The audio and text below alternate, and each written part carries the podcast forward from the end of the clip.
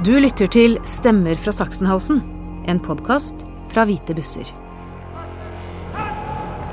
Og da vi ble møtt av SS-folk der med, med geværer og, og kjefting og blodhunder og slike ting, så gjorde at vi skjønte at her er det fra asken og rett inn i ilden.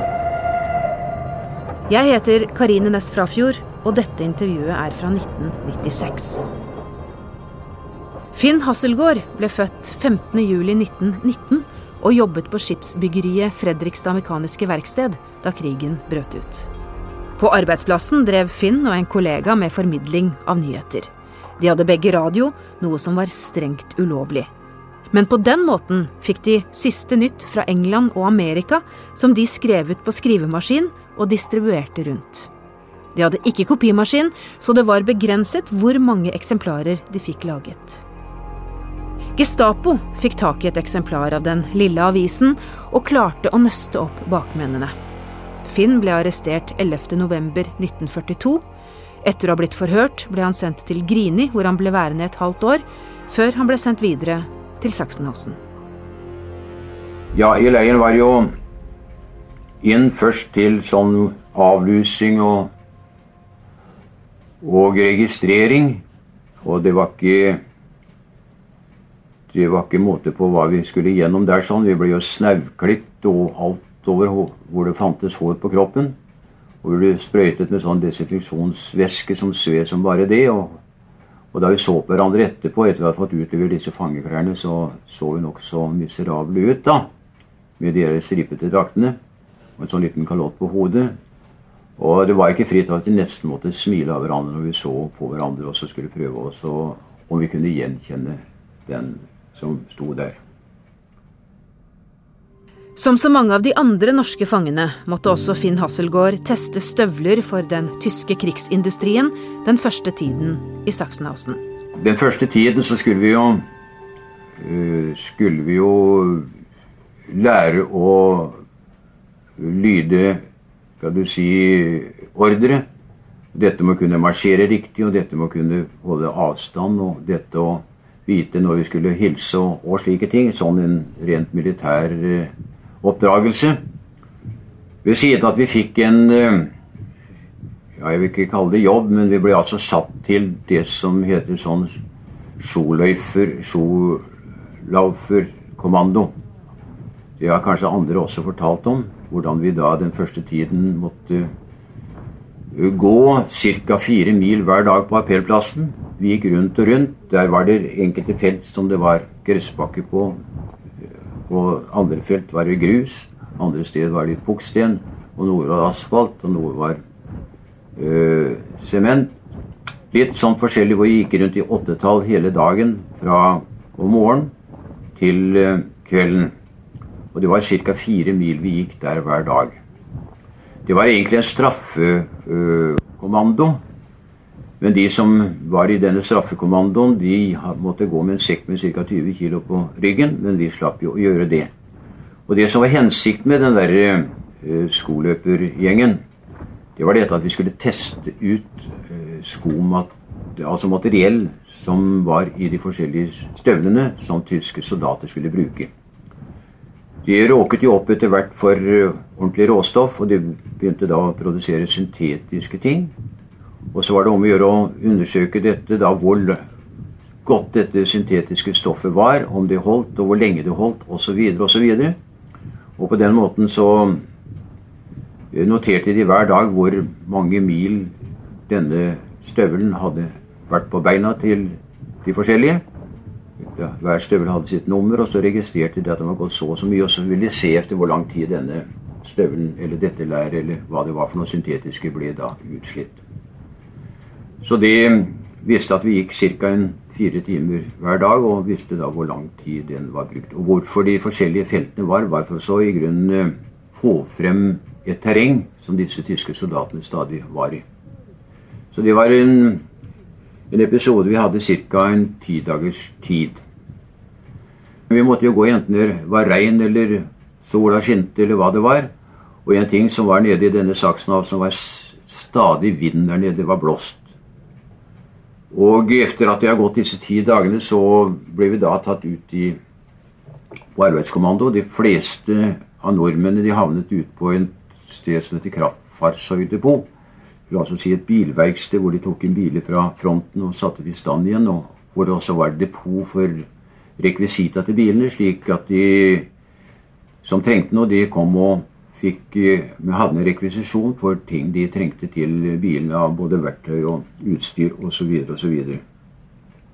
Men jeg havnet eh, Jeg var ikke noe jeg var kontormann, hadde ikke vært borti biler osv., så, videre, så jeg havnet på et sånt et sted hvor de, hvor, uh, på et lager hvor varene kom inn. Men jeg var ikke vært i arbeid i mer enn et par-tre dager, så ble jeg dårlig. Jeg ble ordentlig sjuk, for jeg hadde ikke tålt den der uh, marsjen og de tingene der. Så jeg fikk dobbeltsidig lungebetennelse. Og ble omsider slept bort til dette som het revir, altså den sykeavdelingen. Og der var jeg så heldig å komme inn og fikk kontakt med en norsk lege der slik. Legen het Sven Oftedal, og han var fra Stavanger. Han var kjent for å hjelpe fangene i Sachsenhausen, og nå trengte han sårt noen medisiner til pasientene sine. Det var vanskelig å få tak i medisiner i Sachsenhausen, og dermed måtte han bruke kreative metoder. Wanda Heger, som du kan høre historien til i en annen episode av Stemmer fra Sachsenhausen, klarte å få tak i medisinene. Men det fikk ikke Finn Hasselgaard vite før etter krigen. Men det som hjalp meg, var altså disse medikamentene som vi fikk, sulfatiazoltabletter, som hun Wanda Heger var medvirkende til å få tak i. Hun, var jo, hun har skrevet en bok hver fredag foran porten. Og Hun møtte jo opp hver fredag foran porten og hadde kommunikasjon med et par nordmenn som var på uh, dette vi kaller for paketstellet, altså en uh, postavdeling hvor pakker og brev og det kom inn. Hvor disse uh, som var nordmennene som var der, kunne gi henne fikk gitt henne beskjed ut om ting som var forandret til de nye nordmenn som var kommet inn, og noen som var flyttet, eller noen som var sendt på transport osv. slike ting. Og hun fikk altså da fikk beskjed om at det var eh, et ønske å få sendt en melding ut fra et par leger. En, eh, en norsk lege og en dansk lege som da ville prøve å få tak i medikamenter som de visste var å få uh, utenfor leiren. De kunne ikke skrive selv og be om det der, der for da ville antagelig dette bli stoppet i sensuren.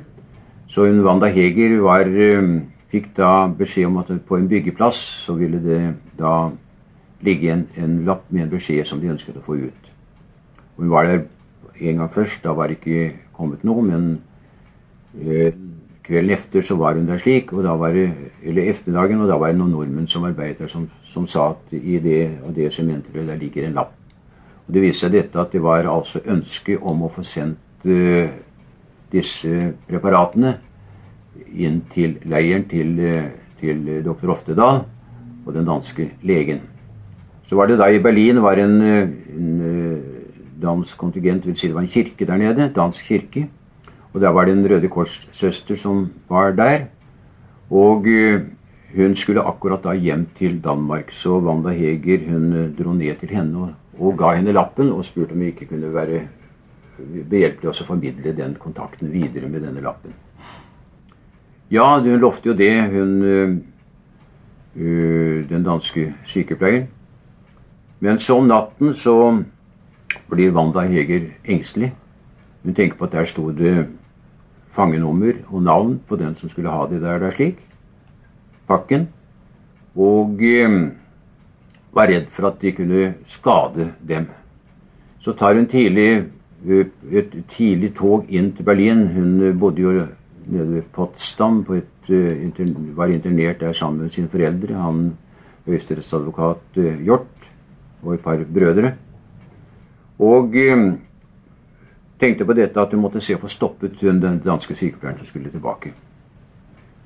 Så sier den danske sykepleieren hun traff henne da på jernbanestasjonen, for hun skulle reise da med et annet morgentog videre til Danmark. Det er ikke farlig med meg, sa. Jeg reiser på diplomatpass, og at jeg har med meg en sånn lapp, gjør ingenting. Jeg har aldri blitt undersøkt. Jeg er så urolig, sa, Helge, sa, sa Wanda. Og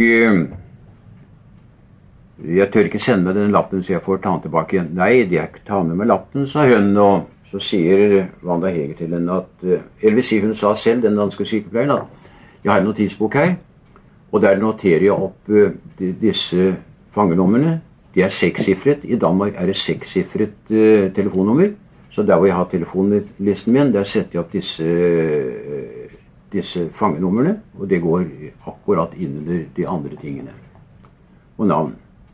Og uh, det, så tok hun da denne lappen med uh, sulfatiazol ønske om dette, og skrev ned sammen med andre medikamenter som hun ønsket. Og Det viser seg dette at Den gangen så ble hun stoppet og filset og undersøkt kroppsvisitert. Og de fant altså den uh, notisboken hennes med ja, det er telefonnummer i Danmark. Ja, det var greit, det. Og dette at hun hadde en lapp med, med medikamenter, med medisinsk uh, materiell som hun skulle ha, det godtok de også. Derved så fikk, kom disse sulfatiazoltablettene inn i leiren. Og jeg er faktisk den første som fikk det og reddet livet mitt på den måten der sånn. Så det har vært en liten sånn spesiell historie, for hun har lest den boka til Wanda Heger hvor hun skriver om det, det er litt underlig å tenke på at man var en liten brikke i det hele og reddet livet ved at hun var av disse som kunne være uh, et uh, kontaktperson og et ledd til videre utover i verden, til den frie verden. De norske fangene var privilegerte og kunne motta pakker fra Røde Kors. Og det hjalp jo veldig godt. Ikke bare dette at det hjalp for uh, sulten og, og stagging av den verste hungeren vi hadde. Men uh, det var også mulighet til å bruke dette til noe slags byttemiddel hvis det var noe du trengte særlig. Det var bl.a. sigaretter der sånn. Det var 40 sigaretter i de danske pakkene. Det var danske sigaretter. Og i de svenske pakkene så var det amerikanske sigaretter. Lucky Strike, som var jo en liksom veldig gjevt. 42 typepakninger der også.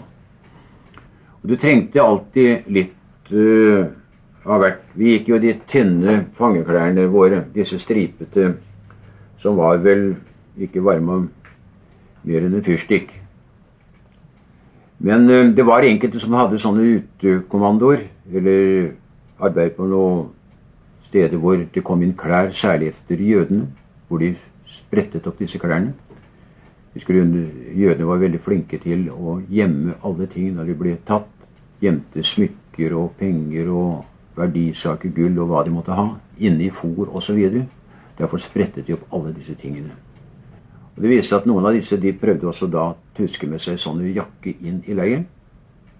Det var, de var altså tillatt på den måten at hvis du hadde et stort kryss bakpå ryggen, malte et stort rødt kryss, og du fikk på deg et fange, det fangenummer og det du hadde, så var de godkjent at du kunne bruke en sånn jakke. Og Da var det godt å ha litt å bytte med når en tok sjansen på å få inn et sånn en, en, en klesplagg. At du hadde noe å bytte med å få, få dette. Derved ble, fikk du litt varmt. Og du fikk, etter hvert fikk jeg tak i en bukse også som gjorde at jeg hadde litt bedre på meg disse stripete tingene. De norske fangene ble altså behandlet bedre enn andre, og det var en spesiell grunn til det. Ja, stort sett så ble nordmenn behandlet noenlunde greit. Nordmennene ble jo sett på som en uh, Vi var jo en germansk rase. Og det var det som Hitler var opptatt av, dette med, med rasene. At vi måtte være germanere og i hele tatt ikke ha noe sånn annet blod inni oss. Alt som ikke var germanere, det var jo ondmenneschen. Som ikke det var eh, noe å regne med. Altså polakker og disse slaviske folkene sigøynere og alt dette var jo ikke brukbart i det hele tatt. Og ikke minst jødene, som det da ble utryddet med så mange millioner under krigen. Nå var det ikke så veldig mye jøder inne i leiren hos oss. De fleste ble jo sendt til Auschwitz etter hvert. Men uh, det var jo en Vi hadde jo krematorium og, og gasskammer der nede i Sachsenhausen, så en god del ble sendt dit. I Sachsenhausen var det også et område som het Stasjon Z. Z er den siste bokstaven i det tyske alfabetet, altså endestasjonen. Der var det et gasskammer og krematorium, og flere steder hvor fanger ble torturert og drept med fryktelige metoder. Det var en god del russiske krigsfanger inne i leiren, og de var jo mot all eh, Haag-konvensjon og i hele tatt dette å behandle krigsfang på den måten. De skulle jo vært internert på en helt annen måte. De tok jo livet av disse russiske krigsfangene nesten en masse etter hvert da slik. Og mye av, mye av måten de henrettet disse russiske krigsfangene på, det var ved nakkeskudd. De ble ført inn i et uh, rom og stilt inn mot veggen, og der var det en sånn en, uh, en sånn en, uh, stativ for å måle høyden.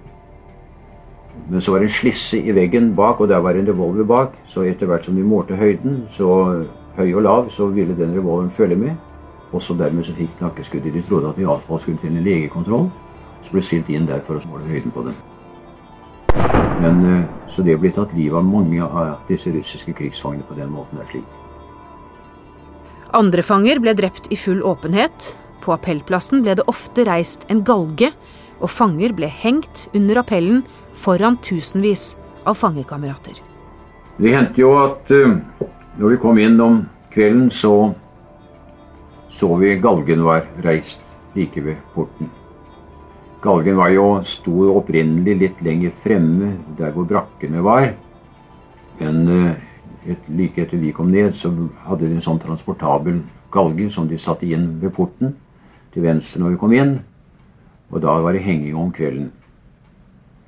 Og Det som etter hvert blir nokså avstumpet i, i, slike sammenhenger.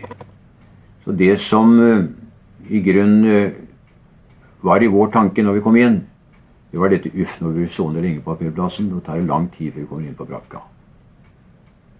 Så det er rart hvordan mentaliteten kan forandre seg, men uh, det var kanskje en måte å kunne overleve det hele på. Så det var ikke så rent sjelden at det var henging. En gang hang de to på, på én gang. Og det er vel ca. Ja, bortimot en 20 henginger jeg har sett der nede. Det måtte jeg stå og se på. Det var en annen avstraffelse også, som at de hadde en sånn en bukk, eller en sånn Ja, de kalte det for prygelbukk, altså sånn bukk hvor de slo. De la dem, spente dem over. Benet var satt fast på nede i bakken. Så ble de spent over med rem over. Og eh, så var det enten var det 25 slag eller 50 slag, så sto de og så slo de med sånne gummibatonger. Og det var jo rene blodkaka etterpå den enden når de hadde slått. En fikk 50 slag, og så ble han hengt etterpå. Måtte jo nesten bære bort til galgen for at han skulle bli hengt der. De norske fangene fikk bo sammen, og etter krigen påpeker flere av Sachsenhausen-fangene at det var nettopp muligheten til å være sammen, støtte hverandre og lage et fellesskap som gjorde at de holdt ut. For Det ene var jo dette at vi var alle, Nordmennene var jo samlet på egne brakker, som gjorde at vi hadde et fellesskap på den måten der. Og Det hjalp jo også dette at vi begynte å få pakker etter hvert, som gjorde at vi ikke sulten og det gnov oss så, så, veldig. Og vi fikk mer human behandling det vil, enn de andre fikk. Det gjorde jo også sitt til at vi på en måte følte at vi greide å overleve på en eller annen måte. Og eh, vi hadde jo kontakt med, med de som hørte til av familie og venner, og ved at de da kunne få lov til å skrive to brev i måneden. Det var gjerne den eh, første og tredje søndagen vi skrev brev. Og så kunne vi motta to brev tilbake igjen. Og de hjemme kunne også sende oss pakker. Stakkar det de hadde også kunne sende. Vi fikk ofte gjerne litt eh, noe de sendte som var veldig gjevt. Vi kalte for Kleinigkeiten, altså sånne småpakker. Gjerne en sånn uh, gul konvolutt, sånn uh, halvparten av A4-format, som det lå havregryn og sukker nedi. Og det prøvde vi å koke, da, og øh, gjøre oss godt av, særlig på, på søndag ettermiddag, for da hadde vi litt bedre tid.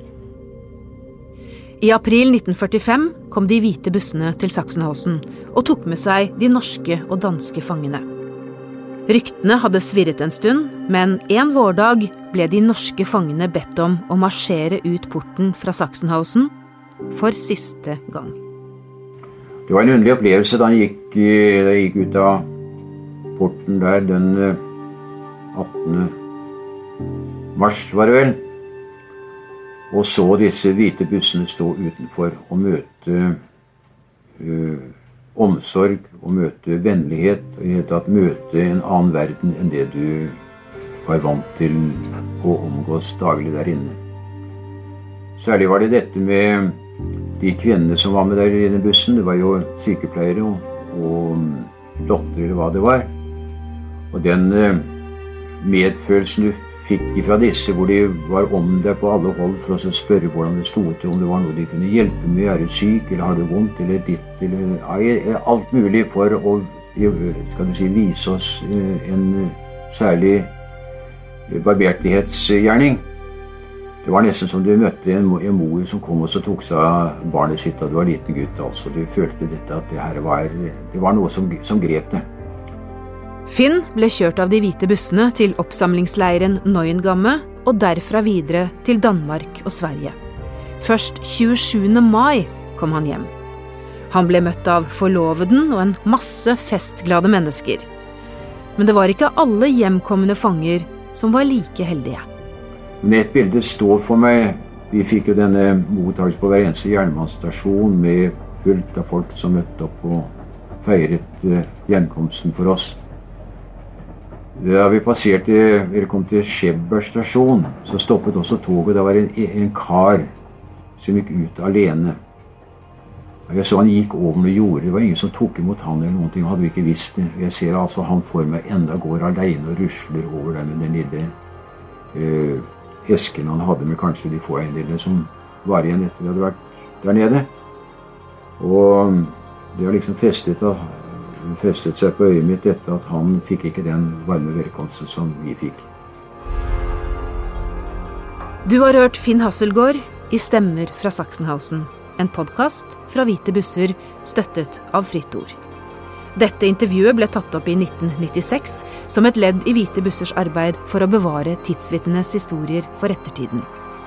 Finn Hasselgaard døde i 2007, 88 år gammel. Lyddesign er ved Frode Ytterarne. Jeg heter Karine Næss Frafjord.